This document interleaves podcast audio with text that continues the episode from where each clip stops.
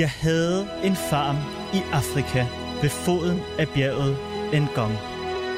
Selve ekvators linje trak sig over højlandet 25 mil længere nordpå. Men min farm lå 2000 meter over havet. Midt på dagen kunne man nok føle det, som om man var kommet højt op og tæt på solen. Men eftermiddagene og aftenerne var klare og svale, og nætterne var kolde. Du kender nok øh, den her lille åbning på en lille berømt roman, som jeg læste op for dig her. Det er nemlig sådan, øh, Karen Bliksen, hun øh, indleder sin øh, måske mest ikoniske roman, Den afrikanske farm. Og Karen Bliksen, hun er jo en af dansk histories mest markante skikkelser. Og derfor så er det ikke undrende, at der bliver lavet virkelig mange film og serier om hende. Du kender måske filmen Out of Africa med Mel Streep i hovedrollen og med Robert Redford som kærlighedsinteressen. Lige nu så er der premiere på Viaplays serie om Karen Bliksen og hendes liv, og det er også et meget, meget spændende liv.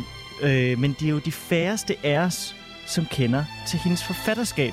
Jeg tror, de fleste kender mere øh, Karen Bliksens liv end hendes bøger. Og derfor så skal vi i dag dykke ned i Karen Bliksens forfatterskab, og igennem det finde ud af, hvem vi er. Det er med andre ord blevet fredag, og du lytter til Frederiks Værk på 24-7. Mit navn det er Frederik Vestergaard. Rigtig hjertelig velkommen til.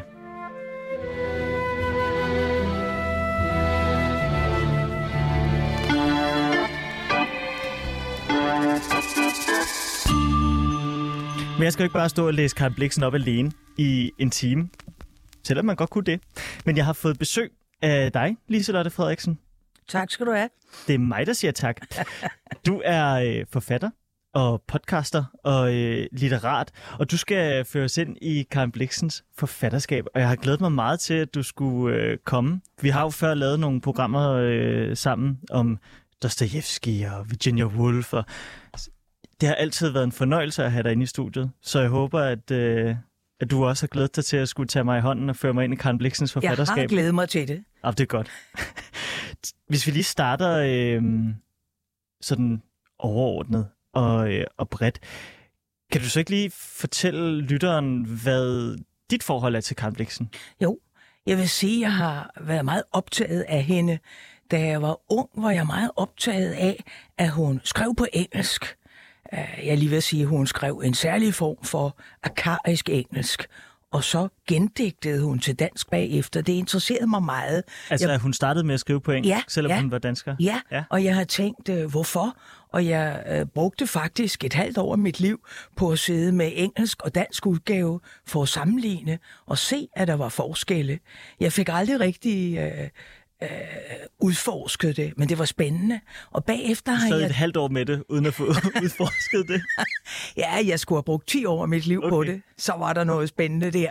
Og jeg har tænkt, var det fordi hun var så selvbevidst, at hun vidste, hun skulle have et internationalt gennembrud, ja. at hun skrev på engelsk? Mm. Eller var det helt lavpraktisk, fordi hun kom fra Afrika, hvor engelsk var hendes dagligdagssprog med befolkningen og de gæster, der kom? Men, men hvad fandt du ud af, da du sad og, og sammenlignede hendes danske tekster og hendes engelske tekster? Jeg fandt ud af, at det ikke bare var oversættelser, men at der var passager, som var forskellige, og øh, det synes jeg var spændende. Ja. Uh, meget spændende. Uh, også at hendes engelsk var et engelsk, der egentlig slet ikke eksisterer i virkeligheden, men peger bagud, ligesom hendes danske litteratur, eller dansksproget litteratur, jo peger bagud mod en anden tid. Mm. Det synes jeg var spændende. Ja. Så foretrækker du at læse hende på dansk eller engelsk? Jeg vil sige dansk, ja. men det er nok fordi, øh, jeg får flest associationer med de ord, hun bruger. Ja. ja. Okay. Det skal vi tale mere om, især det her med det internationale, fordi hun er jo en af de her helt øh, særlige danske personer, som har formået at, at blive et stort navn i udlandet, ja. og som en, man, man, man kender i, øh, i udlandet. Ja. Det skal vi øh, dykke meget mere, øh, skal dykke meget mere ned i senere. Øh, men hvis vi skal prøve at, at lige, fordi Karen Bliksen er jo en ekstremt fascinerende person. Ja. Og det er umuligt, synes jeg, at adskille hendes forfatterskab og hendes personlige liv. Ja.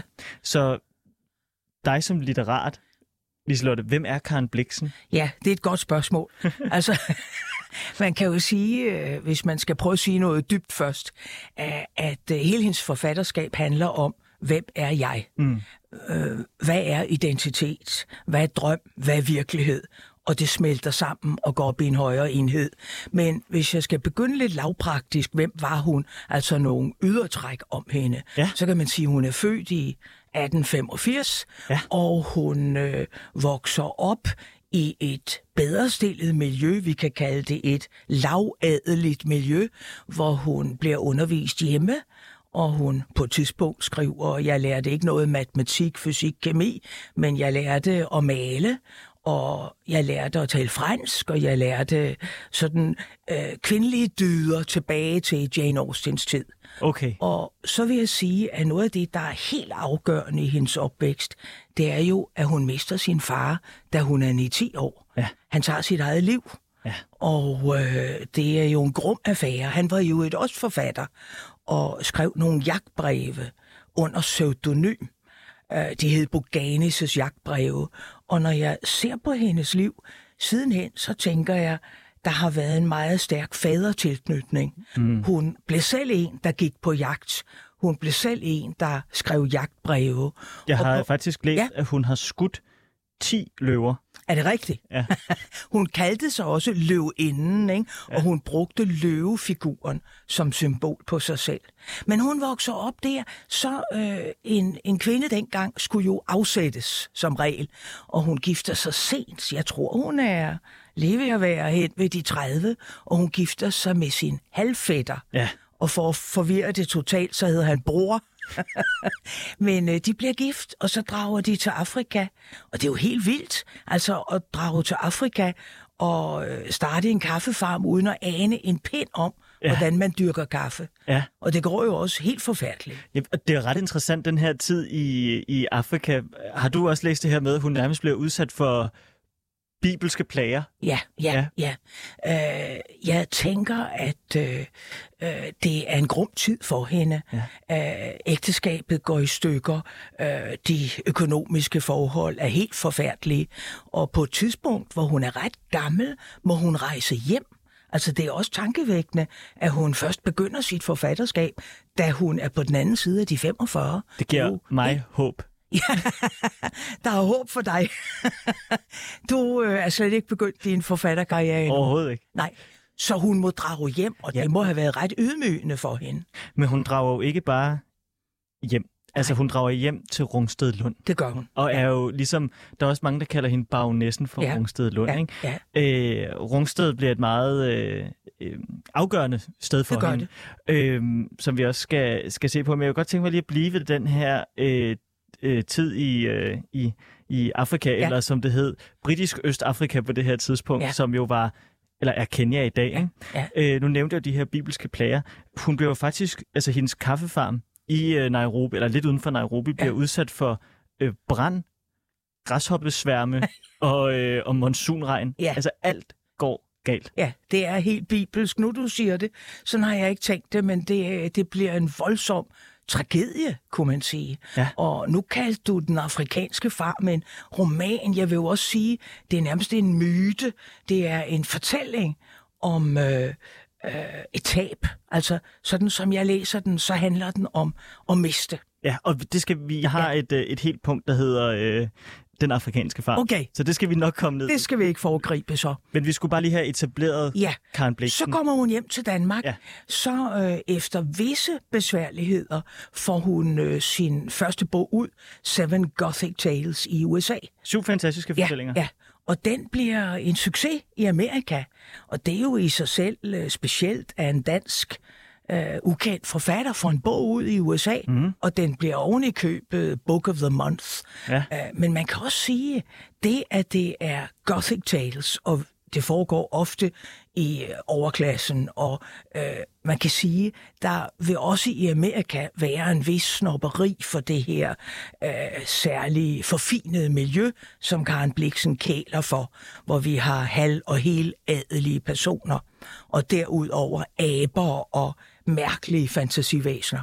og kvinder, der bliver forvandlet til aber. Det er rigtigt. Det er øh, faktisk sådan, at hun bliver rakket ned i Danmark på det tidspunkt. Nogle af de førende anmeldere skriver, at hun er en fremmed fugl i dansk litteratur, og hun bliver set på som en øh, mærkelig outcast. Den eneste mig bekendt, der virkelig har blik for hende, det er Tom Christensen, der jo anmelder oh. på ja, ja, politikken. Ja. Ham med herværk og en stor roman. Han anmelder, og han skriver, her er født en stor forfatter i dansk litteratur. Sådan. Så han har altså fornemmet, at der var noget nyt i gære.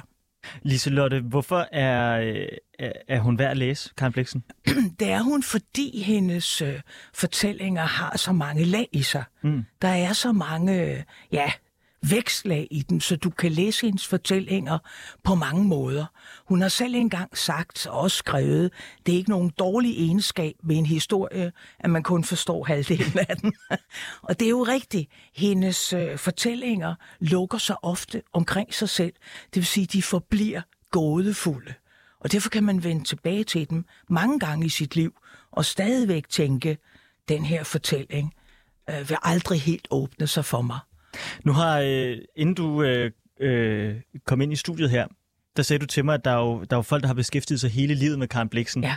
som måske vil være bedre til at tale om Karen Bliksen ja, end, end, end mig. Men, det, ja. men jeg vil bare sige, altså, øh, grund til, at jeg ikke inviteret nogen af, af dem ind, men lige præcis inviteret øh, dig ind, det er fordi, jeg synes, at når man, nu har jeg også selv gået på, øh, på, øh, på humaniora og haft øh, fag på litteraturvidenskab, og de mennesker, som har beskæftiget sig et helt liv med Karen Bliksen, de bliver ligesom fortællingerne, de bliver indelukket. Fordi man kan bruge en helt akademisk karriere på at prøve at finde ud af og analysere Karen Bliksens værker, men det betyder ikke, at man kan lukke andre ind og, og formidle det, Nej. fordi man bliver så opslugt af det. Fordi det, det, det, det er så svært at lukke, lukke det op det er på en eller anden måde. Ja, ja. Så derfor så synes jeg, det er bedre at få en, en, der ikke er hæmmet af akademiens tunge sko. Det var i hvert fald pænt af dig at invitere mig. Da jeg læste dansk, det er nærmest i tidligere liv, der var jo en øh, professor i litteratur, Åge Henriksen, som øh, nærmest øh, forførte hele hold af studerende uh. med sine forelæsninger om Karen Bliksen ja. og andre ting. Ja. Og øh, han var fascinerende, og han øh, skrev mange bøger om hende, hvor han selv bevægede sig ud i metaforiske skildringer af hendes mystiske forfatterskab. Ja. Øh, men hun er værd at læse, fordi at man ligesom får en større indsigt i den sådan eksistentielle side ja. af, af livet. Ja. ja. Er du enig i det? Ja. Ja. Det, det er jeg. Jeg synes, alle hendes historier handler om identitet, ja. og at menneske kan have mange identiteter. Ja. Selvom hun øh, skriver, nogen vil sige bagudstræbende, så har hun jo også sådan et moderne twist på mennesker. Altså, at vi er forskellige personer, og hun siger selv et sted, på din maske skal jeg kende dig. Mm. Og øh, hun bruger jo en masse øh, pseudonymer. For eksempel er hendes kendteste jo Isaac Dinesen, hvor Isak er den, der lærer. Altså i Bibelen øh, kommer nogen og fortæller Isak øh, og hans hustru, at de venter et barn, og der er hustruen hvis 84 år, så de har ikke helt satset på det. Så barnet hedder Isak, den der lærer, og så tager hun sit pigenavn farens navn, ja. Dinesen, og dermed markerer hun også, hvor hun hører til. Så hun leger med identitet, og hun leger med forvandling. Og jeg skal også sige, hun er jo en meget belæst dame, så når hun leger med det her, så er der både Shakespeare og store forfattere ind over. Hun stiller sig helt bevidst på skuldrene af store forfattere, også danske. Jeg har fundet et øh, essay af ja. en øh, dansk øh, øh, professor i litteratur, mm. som hedder Lasse Horne Kjeldgaard. Ja. Og han skriver, at hos Karen Bliksen, altså en af grundene til, at man skal, skal læse Karen Bliksen, det er, at øh, man begynder ligesom at forstå, hvorfor at øh, identitet ikke blot er medført, men det er en proces, der varer igennem hele livet. Ja. Og er du også, enig i det? Ja, og også derved kan man sige, uh, har hun tiden med sig i dag. Uh, jeg tror, hun dør i 62, så ja. det er efterhånden nogle år siden. Det må jeg sige. Men uh, hendes leg med forskellige identiteter og forklædninger passer jo meget godt med tiden i dag, hvor mennesker, jeg tror det er Christian Junkersen, der skrev en roman om en mand, der hele tiden ændrede identitet.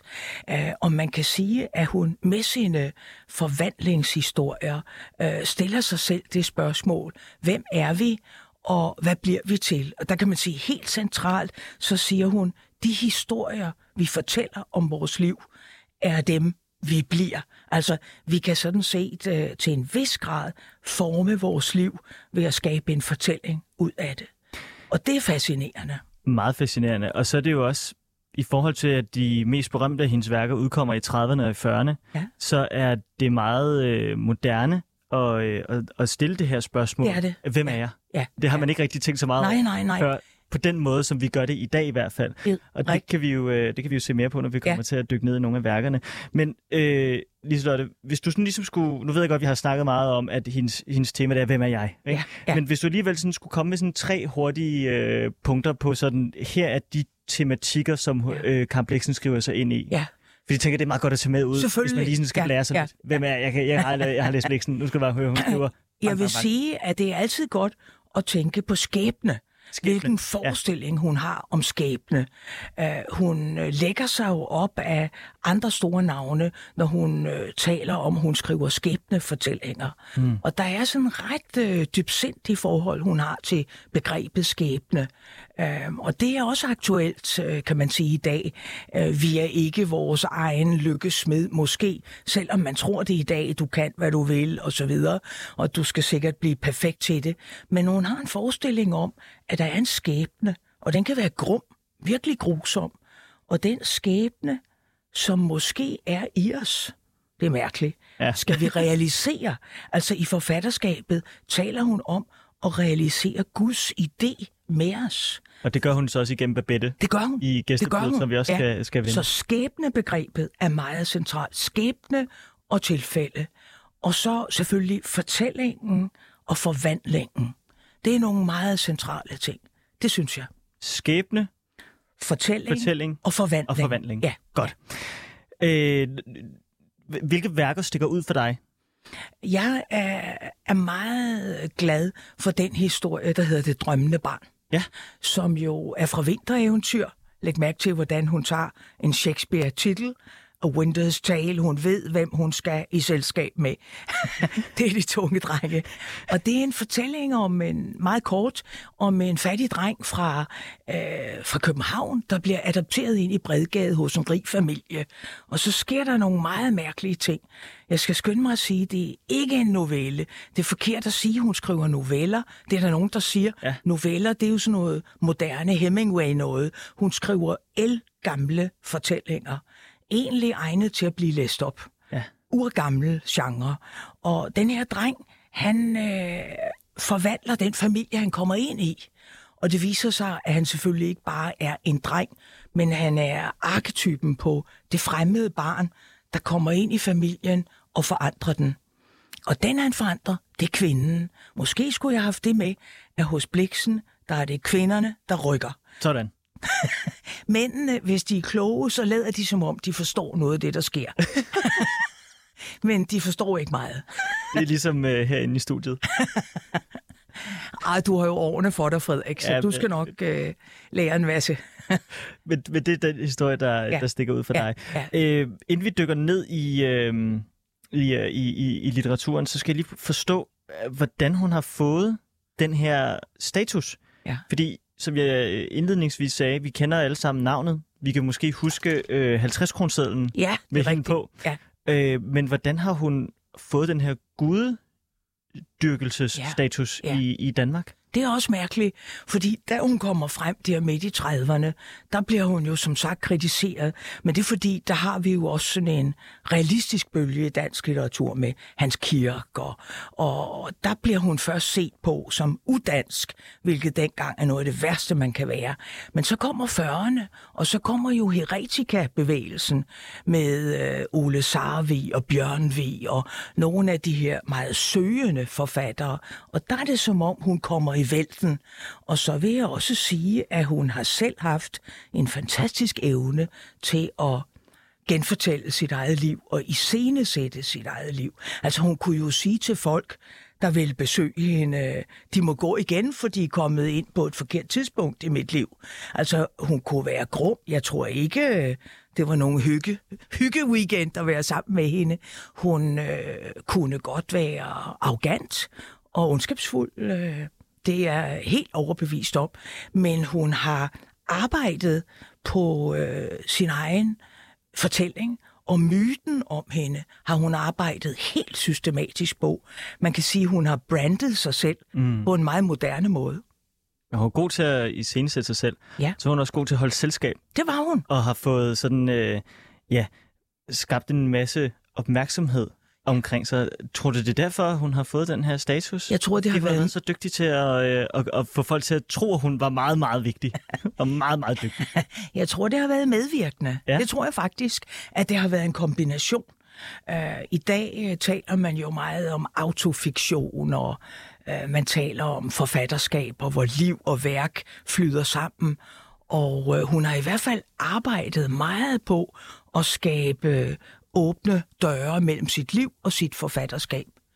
En anden fortælling, jeg lige vil nævne, det er mm-hmm. den, der hedder Drømmerne, hvor hovedpersonen øh, er en kvinde, der øh, prøver at undslippe mænd. Altså hun vil ikke lade sig definere af mænd. Det er sådan set en feministisk fortælling. Og det er også noget mærkeligt ved Karen Bliksen, fordi øh, når man hører hende fortælle om mænd og kvinder og deres væsen, så tænker man, det gjorde jeg, ej, hun er da håbløs reaktionær, tænkte jeg i 70'erne. Men øh, når jeg hører det i dag, så tænker jeg, det er jo spændende, som hun nydefinerer eller gendefinerer kvinders og mænds identitet. Ja. Så en kvinde i øh, hendes univers er en stærk figur, der ikke lader sig fange ind af nogle tilfældige mænd. Men hvordan, op, altså, hvordan opfattede du hende som reaktionær? Øh, reaktionær, altså det er jo et mærkeligt elastisk ord, fordi da, hun holdt faktisk engang en, en båltale, hvor hun sagde, at kvindens væsen er væren, og mandens væsen er at handle og være udfarende. Nå. Og det, øh, ja, det provokerede mig jo lidt, da jeg Ja, var i det er 20'erne, ikke? Øh, eller hvornår det nu var, hvor jeg tænkte, ej, nu må vi holde op. Men hun har gjort sig nogle overvejelser, som også går tilbage til romantikken omkring kvindens væsen og mandens væsen. Hun har sine rødder i orden i forhold til litteraturen. Det har hun. Men, men er hun så, øh, altså, uh, jeg synes, det virker meget tvetydigt. Jeg er Ja. helt sikker på, at jeg Ja. forstår det, men det er måske heller ikke meningen. Jamen, øh, jeg synes faktisk, øh, jeg samtidig sidder tilbage, når jeg har læst nogle af hendes historier, Ja. og tænker, nu giver det slet ikke mening at tale om reaktionær eller ikke reaktionær, for vi er gået ind i nogle mystiske fortællinger. Men øh, når hun så holder en tale om kvindens væsen og mandens væsen, så er det, øh, ja, så er det forunderligt. Ja. Nå, nu har vi snakket længe Ja. og danset om grøden. Nu synes jeg, vi skal dykke ned i grøden. Ja. Øh, fordi tiden den flyver hurtigere afsted. Ja. Liselotte. Skal vi starte ved hendes største, eller måske mest internationalt kendte Ja, værk, ja, Den afrikanske far. ja, ja. Er det her autofiktion? Øh, For den handler jo om en ung kvinde, der tager til, til Kenya for at drive en kaffeplantage. Ja, jeg vil sige, at øh, det er et godt spørgsmål, du stiller. Det betyder, at jeg kan ikke helt svare på det. Men jeg vil sige, bare tag den første sætning. Jeg havde en farm i Afrika. Øh, det er datid, det er tilbageblik. Ja. Jeg synes, når man, når man læser fortællingen, så handler den jo om, sådan som jeg læser den, to ting. En kvinde, der mister alt. Mister sin mand, mister sin kærlighed. Dennis Manhattan mister sin kaffefarm, mister alt og må rejse hjem igen. Øh, Jeg synes egentlig, det er en tragedie. Og faktisk øh, var der en klog dame, hun var engang øh, direktør på øh, Karen Blixen Museet, hun sagde, den er jo bygget op som en opera i fem akter Ja. hvor vi oplever tabet og de store følelser. Men øh, Karen Bliksen er jo snedig. Hun er slet ikke sådan en, der udpensler øh, tragedien. Hun ønsker slet ikke, det er det værste, der kunne ske, at vi fik medlidenhed med hende. Hun er stolt som bare bokker, så hun, øh, det er nærmest i en bisætning, vi fornemmer, at øh, ægteskabet går dårligt. Vi hører ikke noget om, at hun måske bliver smittet med syfilis. Der er mange myter omkring hende. Øh, det hører vi ikke, men i stedet for skaber hun fortællingen om Afrika. Det er jo også en kærlighedserklæring til landet, til dyrene, til menneskene. Mm. Og det synes jeg er spændende. Hun er øverst i hierarkiet. Hun er Som ligesom... hvid kolonist. Det er hun. Ja. Men hun har øh, bygget en verden op, i hvert fald i den her fortælling, hvor hun øh, i øh, bogen siger, de indfødte, det er sikkert også meget politisk ukorrekt, de er i harmoni med naturen. Øh, de er i harmoni med dyrene. Hvorimod øh, de andre mennesker, der løber rundt her, sådan forkvaklede englænder og sådan nogle outcasts, der kommer forbi og fortæller, de er øh, skadet af civilisationen. Så det er egentlig en romantisk hyldest til et smukt land. Ja, og der kan man jo så godt stille sig selv det spørgsmål om, hvorvidt at det syn på øh, mennesker uden for Europa og øh, hele det her, øh, den her fejde, der har været med, hvordan at vi skal forholde os til vores kolonitid. Ja.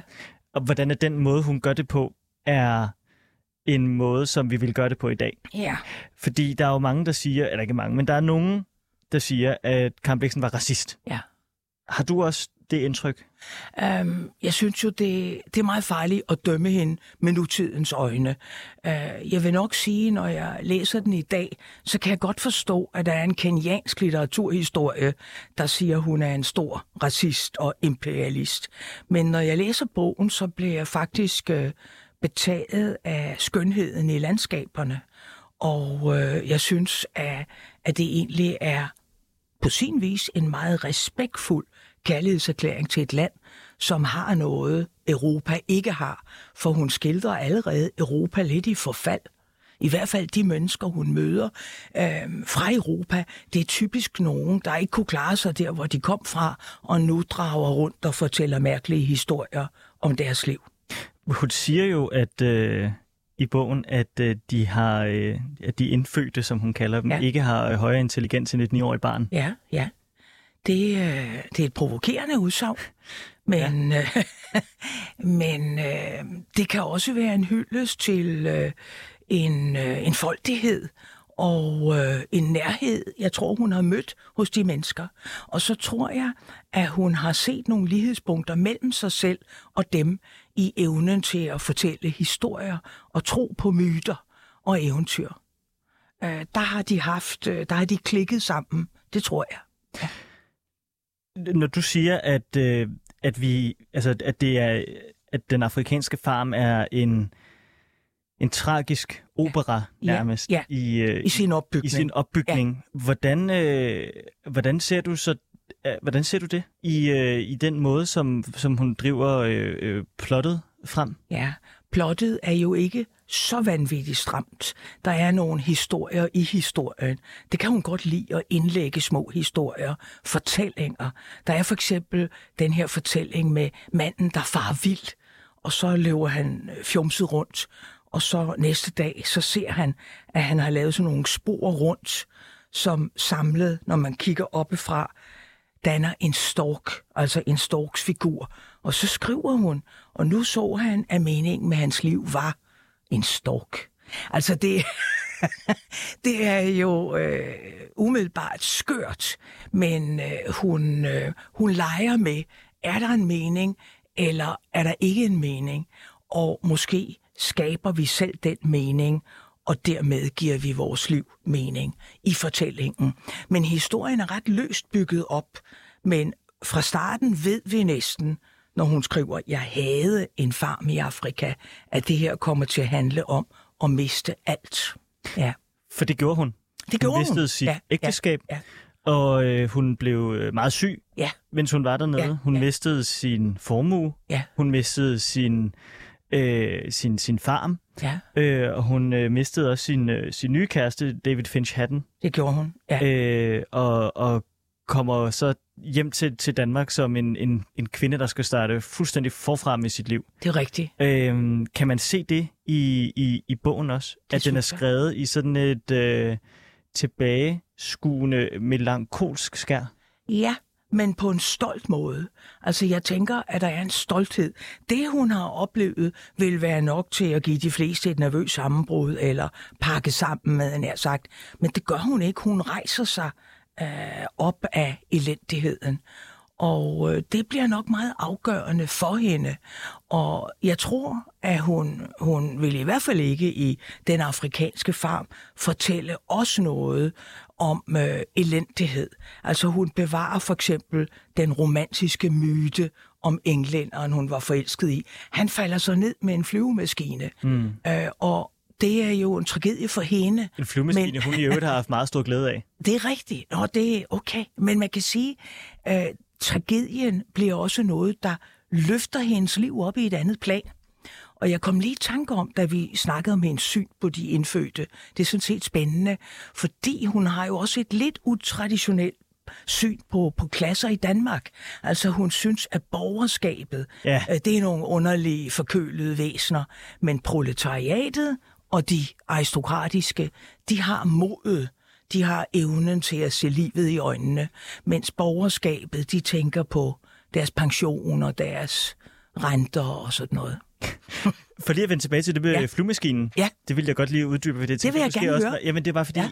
men man ser det jo også i, i, i, i filmen, Ja. som jo blev nomineret til, til Ja. en masse Oscars. Uh, Ja. Out of Africa med Meryl Streep og Robert Redford. Ja. At de flyver sammen, ikke? Uh, og uh, hvis man, det er noget, som, som jeg har bidt mærke i, når man læser den afrikanske uh, farm, det er, at hun er virkelig god til at komme med de her naturbeskrivelser, Ja. ja. som du også siger, det, er- det, er en- det er en kærlighedserklæring til, til Det Kenya, til Kenya og til, Ja. ja. til, til savannen Ja. og øh, til dyrene og til øh, blomsterne og vegetationen. Ja. Og det er bare meget interessant, fordi når man læser det, så kan man sådan se, hvordan at hun nærmest nogle gange sådan starter op i luften, Det er rigtigt. og så Ja. ja. ender hun helt nede i græsset Ja. ja. i sine beskrivelser af landskabet. Ja. Og så kommer øh, landskabet, hvordan det ser ud oppefra, og så ned til øh, træerne, ned til dyrene, og så ned Ja. til, øh, til, til, til floderne og til, Ja. ja. til blomsterne. Ja, det er flot gjort, og der er faktisk en, en sanselighed i beskrivelsen. Ja. Karen Bliksen går jo ikke sådan tæt på menneskers kroppe og intime liv i den forstand,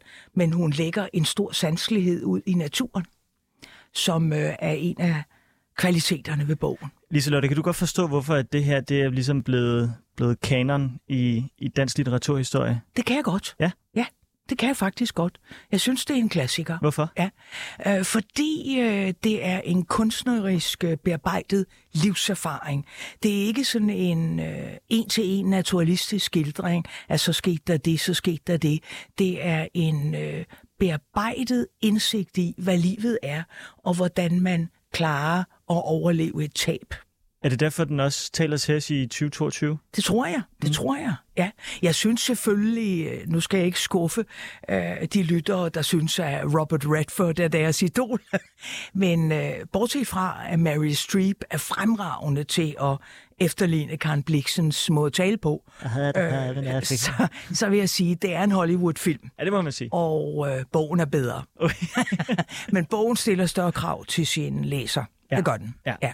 Du kan godt forstå, at den har den plads. Det kan jeg. Det Godt. kan jeg. Jeg synes, vi skal dykke ned i syv fantastiske fortællinger. Ja. Øhm, fordi den er også interessant. Ja.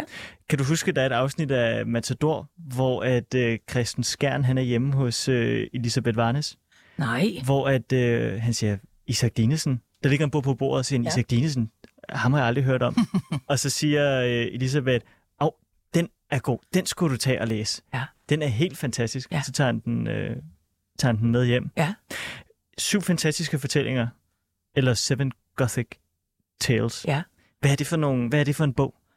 Det er en øh, bog med nogle vilde fortællinger, som øh, på en måde er påvirket af den øh, gys og gro tradition, vi ser i romantikken i Tyskland med Sturm und Drang, og i England med Brontë-søstrene og, og øh, også Frankenstein, Shelley, Så det er sådan noget med spøgelser? Ja, det er spøgelser og en tradition med øh, mennesker, der kan forvandle sig til dyr, uhyggelige ting, der kan ske. Det er en bestemt genre, som er elgammel, men som Karen Bliksen dyrker, og det er så langt fra naturalisme og realisme, som vi kan komme. Øh, og det skriver hun, det er også måske øh, en af hendes sværest tilgængelige bøger.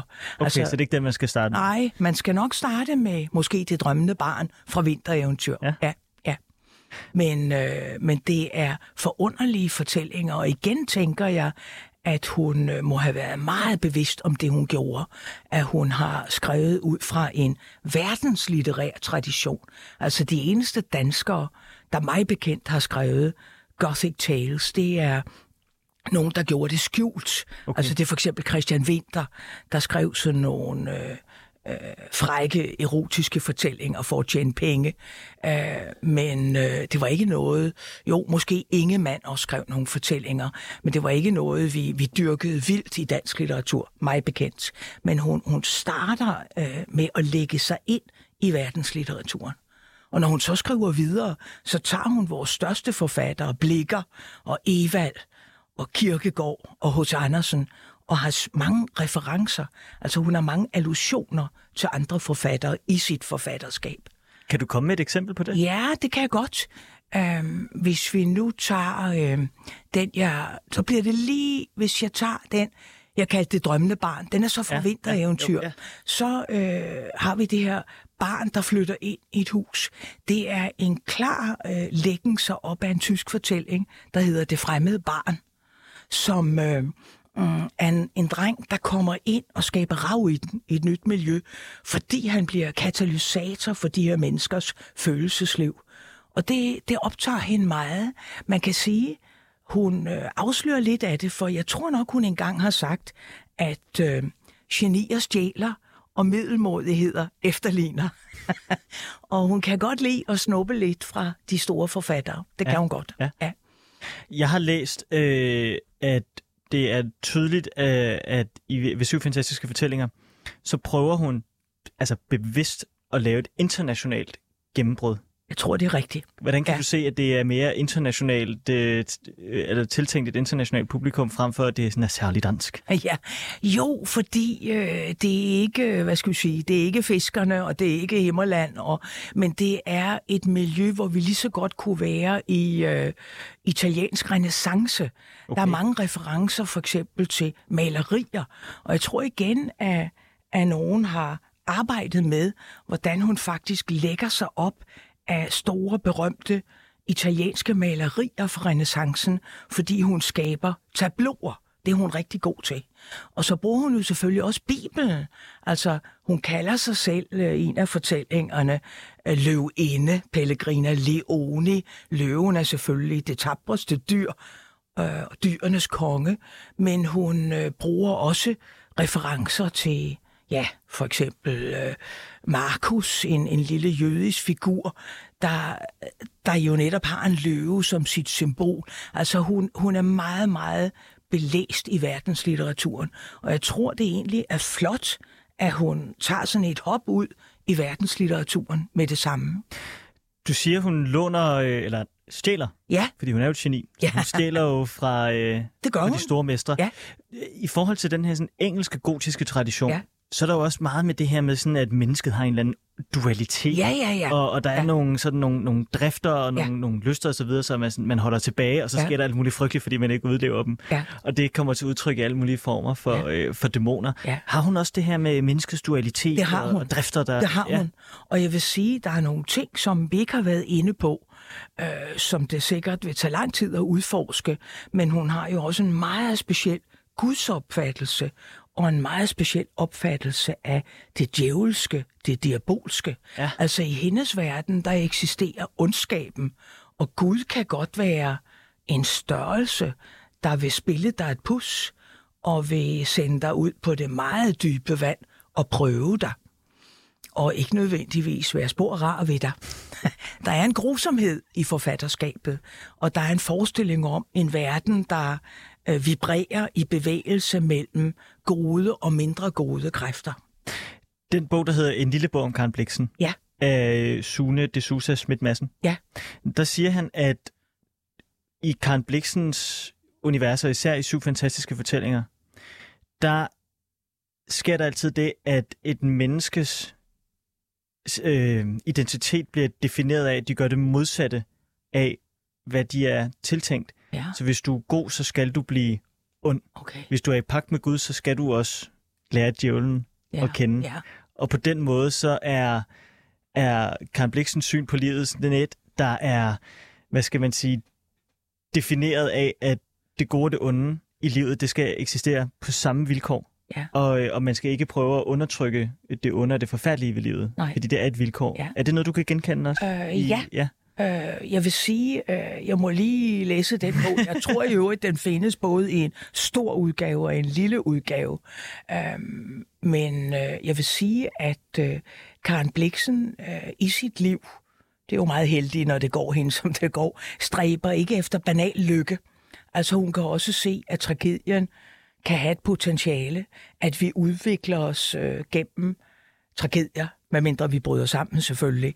Altså hun har jo selv forsøgt øh, at leve sit liv sådan, at hun ikke altid tog den lette vej, men øh, brugte nogle af de tab, hun havde haft til at komme videre. Og øh, det, synes jeg, øh, det synes jeg er spændende. Jeg synes, øh, der er skrevet meget omkring hendes guds og djævleopfattelse. Men man skal nok være religionshistoriker eller teolog for helt at forstå det. Men øh, noget, jeg har fået meget ud af at læse, det er faktisk sådan en klassiker fra gamle dage, hvor en, en jungianer, der hed Langbaum, skrev om... øh, Jungianer? Ja, en jungianer, altså en, der beskæftiger sig med menneskelige øh, urforestillinger. Okay. Vandet som øh, en arketype, barnet, altså Ah, okay. en, øh, en ikke nødvendigvis freudiansk dybdeanalytiker, der siger, i hendes forfatterskab er der nogle oplagte billeder og myter, som går langt ind i vores kultur. Og det er sådan set rigtigt. Hun bruger jo et symbol gennem hele sit forfatterskab, og det er kaffeplanten, der bliver skåret over i sin rod. Og hvis kaffeplanten bliver skåret over i sin rod, så blomstrer den vildt et kort stykke tid, og så dør den. Og sådan skildrer hun nogle menneskers liv. Ja. Altså, er vi forankret i, ikke den danske muld, men er vi forankret med rødder, eller er vi overrevne mennesker? Og det synes jeg egentlig også er forbløffende moderne at se på rodløshed og rodfasthed i, i moderne menneskers liv. Jeg synes bare, det er så dejligt befriende, det her med at have en forfatter, som tager øh, i virkeligheden, ligesom de gamle grækere, det her med, at livet, øh, at man skal ikke undertrykke det, det, det triste ved livet, og, og døden og, øh, og tragedien eksisterer på lige fod med, øh, med lykken. Bestemt. Og, Ja. ja. og, og at det ligesom bliver ekstremt vigtigt i forhold til, at man skal, altså det her med, at ens øh, identitet er sådan en proces, der konstant er i Ja. udvikling, og man ikke bare er én ting. Ja. Øhm, men at der er en eller anden form for skæb. For der er den der hi- fortælling, hun har skrevet om en operasanger, der mister stemmen. Ja, ja, drømmerne. Altså, ja, ja, Hvor at, øh, altså, hvad, hvad, hvem er jeg så? ja, ja. Hvad, hvad, hvad skal jeg så? Ja, og det er ikke tilfældigt, at hun er operasanger og i kontakt med folket, og så udbryder der brand i operaen, og en eller anden bjælke falder ned, og hun får et sår på sin hals, og det sår er formet som en slange. Så har vi jo syndefald Ja, ja, ja. og seksualitet og alt muligt. Det er en super god fortælling. Uh, og så bruger hun resten af sit liv på at, at flygte. Men stemmen er jo identiteten, og man kan sige, det forunderlige ved Karen Bliksen er, at fra begyndelsen af sit forfatterskab, der har hun en helt klar forfatterstemme. Ja. Øh, vi skulle også nå at tale om Babettes gæstebud. Ja, det skal vi. Fordi mad er jo også meget vigtigt for, øh, for Karen Bliksen, og det er fascinerende igen, at hun, hun, blev, hun er jo meget syg gennem hele sit liv. Ja. Og, øh, og, og på et tidspunkt så får hun en øh, meget øh, gennemgribende operation i mavesækken, som gør, at hun øh, har svært ved at spise. Ja. Og så øh, gør hun selvfølgelig det, at hun, øh, hun skriver en bog om mad. Ja.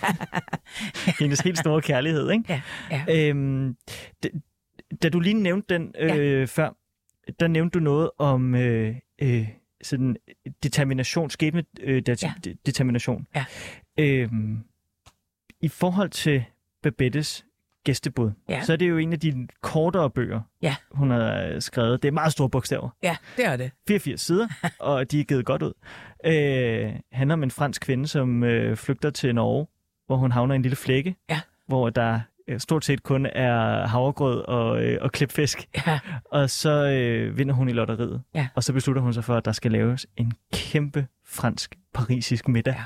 i den her lille by, hvor alle er meget pietistiske og Ja. protestantiske, og øh, på den der virkelig øh, trætte øh, og, og forbistrede måde. Ikke? Ja.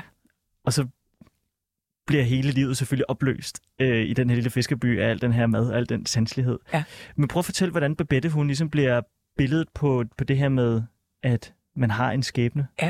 Jamen, jeg tror også, som mange andre figurer, hun skaber, så er Babette en, en kunstner. Ja. Og hendes øh, funktion, ej, det lyder så banalt, men hendes drøm her i livet er at yde det ypperste.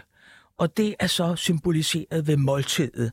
Nogen vil tænke, at det er den sidste nadver, eller hvad er det? Det er også lidt religiøst farvet, for hun bygger så, øh, hun bruger hele sin formue på det ene måltid.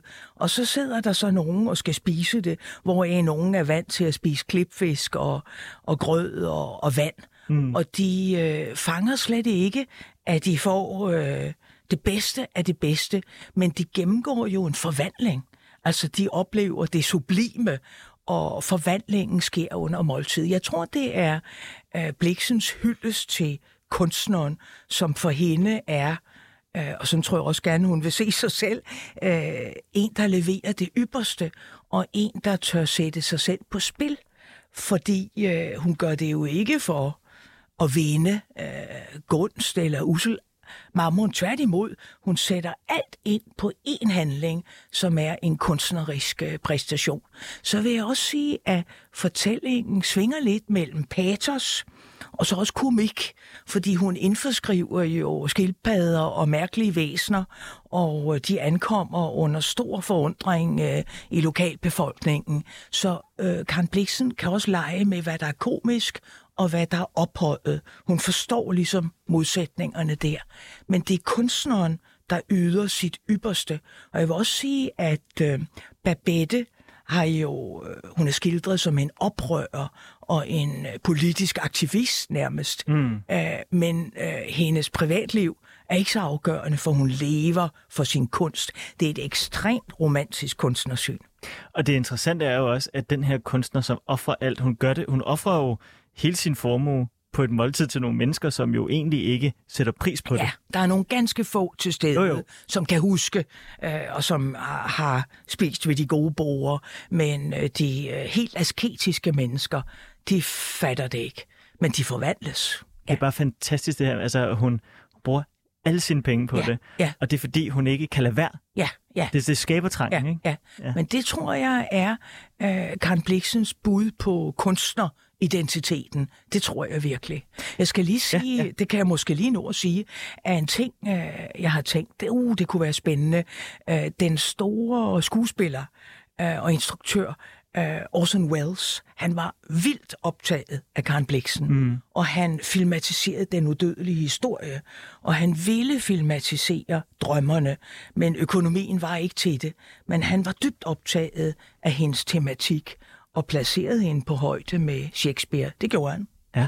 Nu, nu hvor vi er ved internationale store navne, som elskede Karen Bliksen, ja. så kan jeg jo også nævne Ernest Hemingway, Ja, som da han vandt øh, Nobels litteraturpris, så sagde, at, øh, at han synes, den skulle være gået til Karen Bliksen. Ja. Men, han nævner, men det er jo så meget dansk. Han nævnte faktisk også to andre forfattere, som var amerikanere i samme ja, ja. Men, men hvad hedder det? Han nævnte Karen Bliksen, ikke? ja. Øhm, og, øh, og så øh, i Hitler, Wow. Ja. øhm, da krigen bryder Nu ud, ved du noget, jeg ikke ved. Det, det er godt, da, da, da krigen ja. bryder ud, Ja. så tager hun til øh, øh, Paris, Berlin, London Ja. for at rapportere og skrive. Ja. Og øh, da hun så er i Tyskland, så bliver hun inviteret til, øh, til middag hos Hitler Ja. i starten af Det 40'erne vidste jeg ikke. og, øh, og, øh, og afslår. Okay. Hun siger nej til Hitler. Ja, ja det var klogt. Det er nok meget godt. Ja, ja, ja, ja. Der var andre, der handlede anderledes, ja. Ja, men jeg tror, øh, at hun havde et stort personligt mod. Jeg ved godt, i, i vores samtale, der har jeg måske fået det til at lyde lidt som, at hun tilpassede sig, og hun prøvede at, at gå ind og give det, der måske var oppe i verdenslitteraturen og sådan noget. Og det kunne lyde som om, hun var lidt smart. Hmm. Uh, men uh, hun har haft et stort personligt mod. Ja. Uh, hun har ikke forsøgt at, at smige folk. Nej. Uh, det er muligt, hun har været snobbet. Det har hun givetvis. Uh, og gjort sig selv måske lidt mere aristokratisk, end hun egentlig var. Men hun har ikke forsøgt, uh, hvad skal vi sige, uh, at forfalde til bare at følge med nogen strøm overhovedet ikke. Nej. Der er også et fantastisk billede af hende, hvor hun sidder sammen med Marilyn Monroe, Ja, øh, ja, da hun tager på ja. USA-turné, hvor hun jo er en superstjerne Ja, i USA. ja, ikke? Hun ja. er virkelig international kaliber. Øh, vi har snart tre minutter tilbage, Okay. Liselotte, så der er lige nogle ting, vi skal nå her. Øh, øh, Vintereventyr, Ja. som øh, udkommer i 1942, for de amerikanske soldater med i rygsækken, når de skal i krig. Ja. Øh, hvilket også viser lidt om hendes øh, internationale kaliber. Ja. Men det er den sidste store øh, udgivelse, hun kommer med, ikke? Ja, det er i hvert fald en af dem. Uh, hun laver også nogle andre fortællinger, men dem kan jeg ikke lige huske her og nu. Nej. Men ja, Men hvis vi sådan skal prøve at, øh, at opsummere Ja. Karen Bliksen og, øh, og hendes forfatterskab, Ja. så øh, er det et øh, forfatterskab, der undersøger, hvem vi som mennesker er, Ja. og hvad vi fortæller andre, at vi er. ikke mindst det sidste. Ja. ja, ja. ja. Øhm, og det er da sådan set øh, stort øh, og, og meget øh, afgørende, at det er et helt eksistentielt forfatterskab. Og det, øh, der er så forunderligt, det er, at der nærmest ikke går øh, en måned, uden der kommer en ny bog om Karen Bliksen. Jeg skal lige sige, at jeg kender en kvinde. Jeg har lyst til at nævne hende. Hun øh, sidder og strikker Karen Bliksen huer til, øh, til museet deroppe. Øh, Og ved Rungstedlund? ja, det er sådan nogle særlige Karen Bliksen huer, der går op i en spids. Ja. Og jeg tror, hun har lavet hundredvis af dem. Hun er frivillig, øh, man kan jo ikke kalde hende ansat, men hun gør frivillig arbejde på museet. Går du med Og- sådan en om vinteren, Liselotte? Jeg overvejer at tage op og købe en, ja, det skal du da gøre. øh, nu vi skal til at spare. Ja. Så vil det sikkert være øh, et godt initiativ. Hvis man skulle øh, læse en Bliksen-bog, hvilken Bliksen-bog vil du så anbefale, at man læste? Og jeg vil nok sige vintereventyr. Ja. Vintereventyr. Og den kan man godt starte på. Ja, det synes jeg. Den er ikke for, for mystisk. Den, øh, den er, jeg ville vente med Seven Gothic Tales til allersidst. Okay. Der er et par af fortællingerne, øh, et middagsselskab i Helsingør, et par, der er sådan, jeg vil ikke sige, de er nemme, de er udfordrende, men altså, der er nogen, der virkelig er svære, og som nogen vil knække halsen på. Ja, Og så vil jeg også anbefale, at hvis man ikke er øh, så meget til at læse, men mere til at lave mad, så kan man jo også hylde Karen Bliksen derigennem, og der findes faktisk også øh, nogen, der har skrevet øh, kogebøger Ja. om Karen Bliksen, hvor alle hendes opskrifter var i. Ja. Øhm, der er også, øh, jeg har lige, det kan lige akkurat nå, Ja. men der er en, øh, en fortælling om, at øh, hendes, hun brugte i den her bog, jeg står med her, der hedder Karen Bliksens kogebog af Signe Wulf, der står der, at det smertede øh, Karen Bliksen at må bruge sin sidste flaske med øh, salatolie på at øh, behandle et øh, sår på en, øh, en dreng i Kenya. ja, ja. Det viser meget om, hvor meget hun elskede mad. Ja, det gør det faktisk. Ja. Liselotte Frederiksen, tusind tak, fordi du ville kigge forbi. Selv tak. Det var en stor fornøjelse. Tak. Vi har ikke udtømt emnet, men det kan vi ikke. Det kan vi ikke, nej. Nej. Hvis man vil vide mere om Karen Bliksen, så kan man også øh, gå ind på Saga, hvor at, øh, du har lavet en lille fortælling om øh, Karen Bliksen og hendes forfatterskab og liv. Tusind tak. Selv tak.